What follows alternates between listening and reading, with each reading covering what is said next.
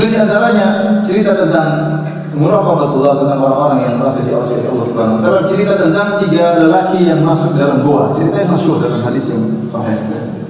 Saya bacakan hadisnya dari Abdullah bin Ab bin Umar radhiyallahu anhu. Qala Beliau berkata, "Sami'tu Rasulullah sallallahu alaihi wasallam yaqul." Aku mendengar Rasulullah SAW bersabda, "In talaqa thalathatu rahtin mimman kana qablakum." Dahulu ada orang-orang sebelum kalian tiga orang, mereka sedang berjalan. Hatta awal nabi ila ghar, sampai mereka akhirnya masuk dalam goa. Disebutkan musim hujan, mereka ingin berteduh. Sehingga mereka pun berteduh, mereka masuk dalam goa. Pada khuluhu mereka masuk dalam goa, fan hadarat safratun minal jabal. Tiba-tiba ada batu yang jatuh dari gunung lantas menutupi mulut goa. Fasaddat alaihi ghar, maka mulut goa tertutup dengan batu tersebut. Tertutup rapat, tidak ada cahaya yang masuk. Sementara mereka bertiga dalam goa tersebut dan mereka orang-orang yang soleh. Faqalu maka mereka saling ngobrol di antara mereka sehingga mereka berkesimpulan innahu la yunjikum min hadhihi safrati illa an tad'u Allah bi salih a'malikum ketahuilah para sahabatku kita ini tidak bakalan selamat kecuali kita berdoa kepada Allah dengan bertawassul dengan amal soleh yang pernah kita lakukan. Masing-masing berdoa dan masing-masing bertawassul dengan amal soleh yang pernah dia lakukan agar kita selamat. Maka mulailah tiga orang ini berdoa kepada Allah Subhanahu wa taala. Faqala rajulun minhum maka di antara mereka ada yang berdoa Allahumma kana li abawali shaykhani kabiran.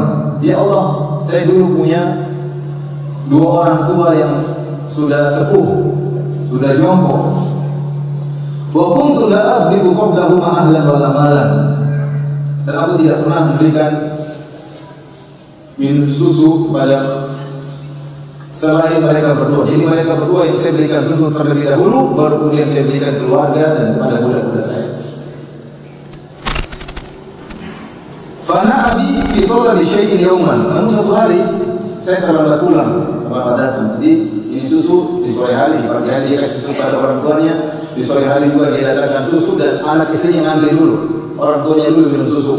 Setelah orang tuanya minum susu baru kemudian untuk anak istrinya kemudian untuk membantunya atau budak-budaknya.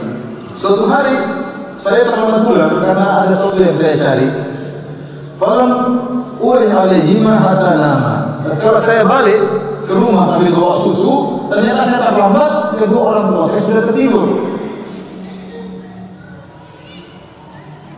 Fahalabtulahu abu kaum bahu kaum fawajatuhuma naimain. Aku siapkan susu, aku perah susu, ternyata aku dapati keduanya sudah tidur. Wakari itu an aghbira qablahuma ahlan wa lamalan. Falabithu wal qadwa ala yadayya antahliru istiqadahuma hatta barqa al-fajr. Jadi akhirnya saya pun setelah saya memerah susu, sementara saya pegang susu di di gelas ya, atau di cangkir, saya tunggu mereka berdua bangun. Jadi saya tidak bangunkan mereka berdua, saya tidak ingin, ingin mengganggu. Kedua orang tua sudah tidur, saya tidak ingin ganggu membangunkan mereka. Apa yang dilakukan oleh laki ini? Dia pegang cangkir isi susu, ditungguin sama orang tuanya tiba-tiba terbangun. Mungkin kelaparan, mungkin jam 8 bangun, mungkin jam 9 bangun, mungkin jam 11 bangun, mungkin jam 1 malam terjaga, mungkin jam 3 malam terjaga. Rupanya ternyata kedua orang tuanya tidak bangun kecuali setelah subuh. Bayangkan dia menunggu menanti sekian lama. Dan dalam riwayat disebut ya, Sidian dia tahu sementara anak-anak saya menangis ingin minum susu. Namun kebiasaan saya orang tua terlebih dahulu baru kemudian anak-anak. Meskipun anak-anak menangis saya cuekin. Saya cuekin. Katanya. Akhirnya ketika mereka bangun maka saya pun berikan susu pada kedua orang tua saya. Dia berkata, Ya Allah, in kuntu fa'altu dzalika ibtigha wajhik fafarrij 'anna ma nahnu fihi. Ya Allah, kalau memang yang saya lakukan tersebut karena oleh Allah, maka bukan pintu doa. Fanfarajat syai'an la yastati'una al-khulus. Maka baru menutup pintu doa tersebut bergerak sedikit, namun mereka belum bisa keluar, cuma gerak sedikit. Hmm, nggak bisa keluar.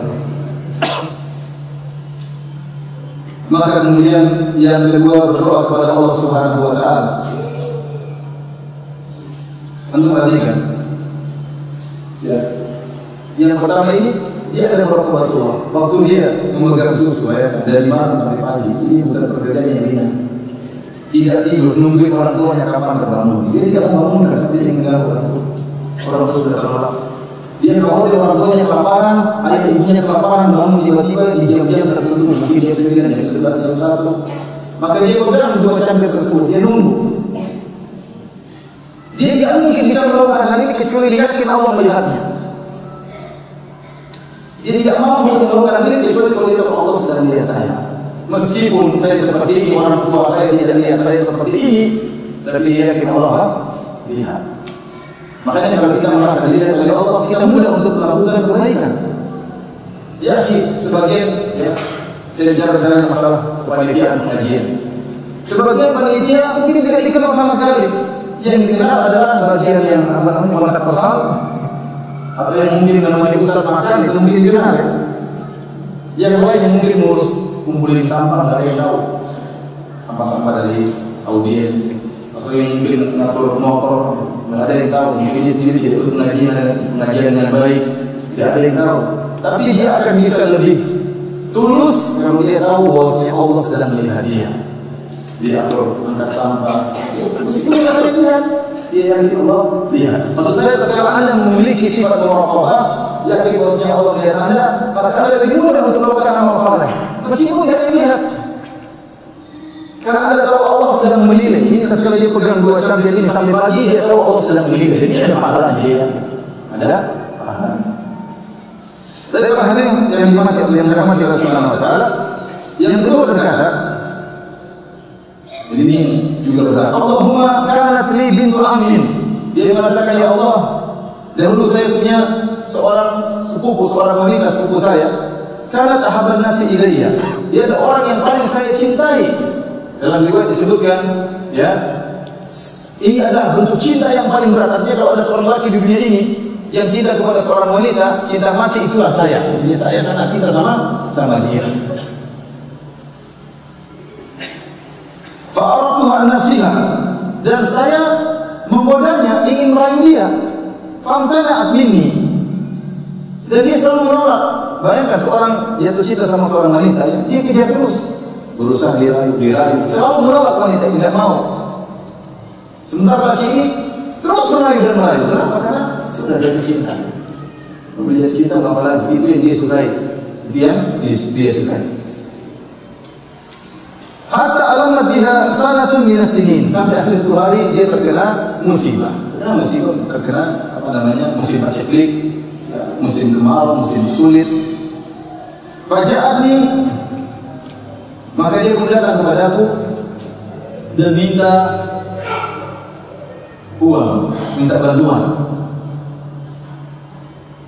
Maka kata lelaki ini fa'ataituha 20 wa 100 dinarin ala an tukhalli baini wa baina nafsiha. Taib kata lelaki ini kesempatan sekarang yang dia kejar-kejar selama ini lari sekarang datang sendiri. Itu bisa bayangkan bagaimana ujian lelaki. Seorang lelaki saja tidak pernah cinta sama wanita, tiba-tiba wanita seorang wanita yang tidak pernah dia kenal sebelumnya datang berpose cantik, dia sudah tergoda. Sahabatnya bergerak ter tergoda. Meskipun tidak pernah cinta dan tidak pernah kenal sebelumnya. Bagaimana lagi dengan wanita yang selama ini dia kejar? Yang dia memang sudah mencintainya dan mabuk kepayahan terhadap wanita tersebut selama ini dikejar lari, oh ini tiba-tiba datang sendiri. Ini ujian yang luar biasa. Kemudian minta bantuan, mungkin karena dia kesulitan, maka dia mengatakan saya akan kasihkan 120 dinar dengan syarat kau serahkan dirimu kepada 120 dinar itu kira-kira berapa gram emas? Kalau kita ada gambaran. Kalau sekarang dikonvert oleh para ulama, satu dinar itu 4 seperempat gram emas.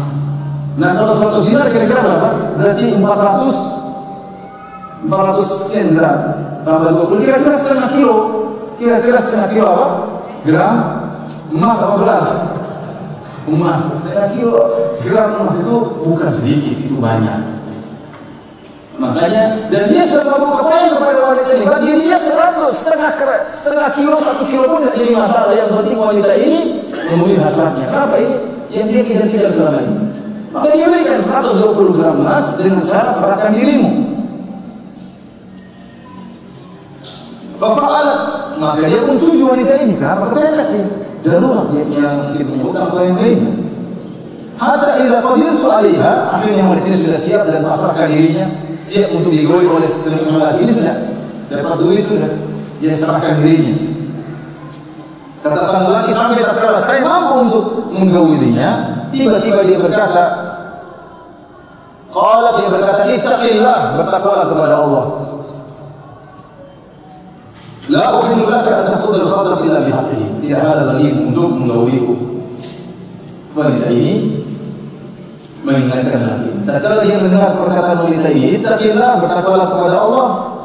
Maka dia pun meninggalkan wanita tersebut. Fansaraftu anha wa hiya ahabbun nasi ilayya. Maka ya Allah saya tinggalkan wanita ini padahal dia adalah wanita yang paling saya cintai. Wa taraktu dhahab alladhi aqaituha dan saya tinggalkan emas tersebut juga di sisinya. Dia tidak mengatakan ya sudah saya pergi emas yang balikinnya. Sedang kilo tidak sedikit. Jadi semua sampai mati belum bisa punya emas setengah setengah kilo. Jadi saya tinggalkan semuanya karena engkau. Kemudian Allah yang berdoa Allahumma in kuntu fa'altu ibtiga wajhik fafruj 'anna ma nahnu fihi. Ya Allah kalau aku melakukannya karena ya Allah maka bukalah pintu Allah fanfaraj bi sahratu ghairu annahum la yastatina al-khuruj minha. Maka batu bergeser lagi namun tetap saja belum apa? Belum bisa keluar. Dan ini juga saya katakan tidak mungkin lagi ini bisa. Dia terjebak atau main saya katakan tadi ya, seorang lagi kalau sudah dalam syahwatnya hilang berapa akalnya semuanya kecuali lagi enggak Bayangkan. Puncak-puncaknya syahwat, tiba-tiba wanita berkata, "Ittaqillah, bertakwalah kepada Allah." Dia kaget, dia tinggalkan. Ini bukan pekerjaannya yang ringan, ini berat luar biasa. Berat luar, luar biasa. Saya pernah diceritain sama teman, saya pengajian di luar kota. Jadi Ustaz, jadi kita mau ikut tender Ustaz, tahu-tahu ada orang entah gimana ingin dimenangkan tendernya, dia kirim cewek sama saya. Sama sama seorang dikirim cewek. Tutup pintu lagi tidur di hotel masuk cewek tersebut. Masuk ada apa mbak? Hari ini saya adalah milikmu sampai besok subuh. Terus kata saya pulang kamu. Kata dia enggak saya disuruh bos. Nanti apa yang harus saya katakan sama bos? Dia bilang aja sudah datang terus pulang. Enggak saya harus di sini. Hari ini saya adalah milikmu sampai apa? Sampai subuh Bayangkan ini bukan godaan apa? Gampang ya, iman goyang. Kemudian sahabat sudah sampai di mana ubun-ubun susah. Istri tidak ada. Kalau ada, apa, kita matikan HP sementara. Intinya ini ujian gak ringan seperti ini. Kita tahu lah. Sebagai laki kita tahu ujian yang sangat berat. Namun laki ini mengatakan apa? Ya udah kalau kamu nggak mau keluar, kamu tidur. Sudah tidur di tempat tidur, saya mau tidur di situ kata. Terus gimana? Ya sudah kamu tidur di situ aja sampai subuh. Sampai subuh kamu pulang. Subhanallah. Ini ikhwan ini kok kuat sih bilang subhanallah. Harusnya kalau saya saya keluar dari kamar. ini dalam kamar sampai subuh nggak ngapa-ngapain hebat ini. Hebat atau tidak? Hebat. Allah berikan dia kekuatan iman luar biasa. Ini kejadian nyata. Tapi pada hari yang Subhanahu Wa Taala, laki ini tidak mungkin untuk bisa menahan syahwatnya kecuali karena takut kepada Allah. Dia yakin bahwasanya Allah melihat apa yang dia lakukan. Makanya tatkala dia mendengar ittaqillah takutlah kepada Allah, maka bergeraklah imannya. Bergeraklah imannya. Dan kebanyakan orang tidak selamat dalam kondisi seperti ini. Kenapa? Karena dia sudah di puncak syahwat. Dia sudah di puncak syahwat. Tapi pada hati yang Allah Subhanahu wa taala, mereka belum bisa keluar. Sekarang orang yang ketiga, Wa qala thalith yang ketiga berkata, Allahumma inni ista'jartu ujara. Ya Allah, saya dulu pernah menyewa beberapa pekerja. Fa'ataituhum ajrahum ghairu rajulin wahid. Setelah mereka selesai kerja seluruhnya, saya pun kasih upah mereka seluruhnya. Kecuali satu orang yang belum saya kasih upah. Tarakal ladzi lahu wa dhahaba. Dia belum sempat ngambil upah padahal sudah saya sediakan, kemudian dia pergi. Fatamartu ajrahu hatta kasrat minhu amwal. Maka tatkala dia pergi saya berniat mengolah harta dia ini gaji dia yang sedikit ini saya niat olah. Saya olah sampai akhirnya menghasilkan ya hasil yang sangat banyak. Ya, kemudian akhirnya banyaklah sapi, banyaklah onta, banyaklah kambing ya. Tadi artinya cuma sedikit. Artinya bertahun-tahun dia olah. Jadi harta yang sedikit diolah sampai apa hasilnya sapi selembah, selembah isinya sapi semua. Selembah isinya onta semua, selembah isinya kambing semuanya. Jadi untuk bisa mendapatkan menghasilkan kambing sampai selembah tentunya bertahun-tahun. Mungkin 10 tahun, mungkin 12 tahun, lama intinya. Akhirnya setelah bertahun-tahun tersebut, datang orang itu yang upahnya tadi saya olah. Faja'ani ba'dahin, dia datang kemudian. Faqala kemudian dia berkata, "Ya Abdullah, aji ilayya ajri." Wahai fulan, dia berkata kepadaku, "Wahai fulan, mana upahku? Saya minta. Saya pernah tinggalkan berapa belas tahun yang lalu atau berapa puluh tahun yang lalu. Mana upahku?" Fakultu lahum aku, aku berkata kepada dia, "Kullu ma tara min ajrika min al-ibil wal baqar wal ghanam wal raqi." Yang kau lihat semua ini, kau lihat unta di hadapan matamu, iya. Kau lihat kambing di hadapan matamu, iya. Kau lihat sapi di hadapan matamu, itu budak-budak, itu semua milikmu. Dia bingung orang ini, tahu dia upah dia cuma apa? Sedikit. Kok upahnya begitu banyak? Begitu banyak. Maka dia berkata, "Ya Abdullah, la tastahzi'u la tastahzi'u bi." Wahai fulan, jangan kau ngejek saya. Kau ngejek saya. Dia tahu bahwa si upah dia cuma apa? Sedikit. Kok kau katakan semua ini milik saya? Fakultu aku berkata, la astahzi'u bika. Aku tidak ngejek engkau. Ambil seluruhnya itu milikmu. Fa akhadhahu kullahu fastaqahu falam yatruk minhu syai'an. Maka dia ambil seluruhnya, budak-budak, onta, kambing semua, tidak ada disisakan sedikit pun. Dia tidak mengatakan ini seperti dia terima kasih buat kamu, enggak. Dia bawa seluruhnya. Subhanallah. Yang orang selama ini siapa? Lagi ini. Ini ini butuh apa namanya? Muraqabatullah. Sekarang waktu dia mengolah harta tersebut, niatnya untuk pemilik upah tadi, yang tahu hanya Allah Subhanahu wa taala. Dan niatnya dalam hati. Setelah harta tersebut ternyata untung dan untung menjadi banyak, kemudian waktunya diambil, dia tetap tidak merubah niatnya. Dia tahu Allah mengetahui apa niatnya, maka dia kasih. Kalau di sebagian kita belum tentu kita olah, ih, untung banyak ya, ya udah buat kita aja, kita kembalikan modalnya aja. Mungkin begitu.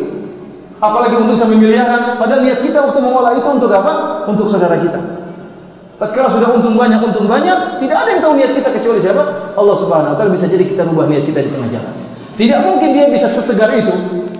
Seandainya dia mengatakan dia gajimu cuma satu ekor kambing, orang itu tidak akan marah. Karena setahu dia upah dia cuma sedikit. Yang tahu dia mengolah itu hanya untuk hanyalah siapa? Allah Subhanahu wa taala. Inilah namanya muraqabatul muraqabatullah. Sampai dia tahu bahwa hati pun diawasi oleh Allah. Huwa alimun bidati sudur. Innahu alimun bidati sudur. Allah mengetahui isi hati manusia. Ya'lamu kha'inatal a'yun. Allah mengetahui pengkhianatan pandangan mata wa ma tukhfi sudur dan apa yang disembunyikan oleh hati-hati manusia. Akhirnya dia berdoa, "Ya Allah, fa in kuntu fa'altu dzalika bitigha'a wajhik, ya Allah kalau aku melakukan hal ini semuanya karena mencari wajahmu, fafruj anna ma nahnu fi. Maka bebaskanlah kami dari goa ini. Fanfarajat sakhratu fa kharaju yamsun. Maka akhirnya terbukalah batu tersebut. Lubangnya cukup akhirnya mereka keluar seluruhnya. Ini kisah tiga orang ini semuanya bisa melakukan amalan-amalan yang luar biasa tidak lain kecuali karena mereka merasa diawasi oleh Allah Subhanahu wa taala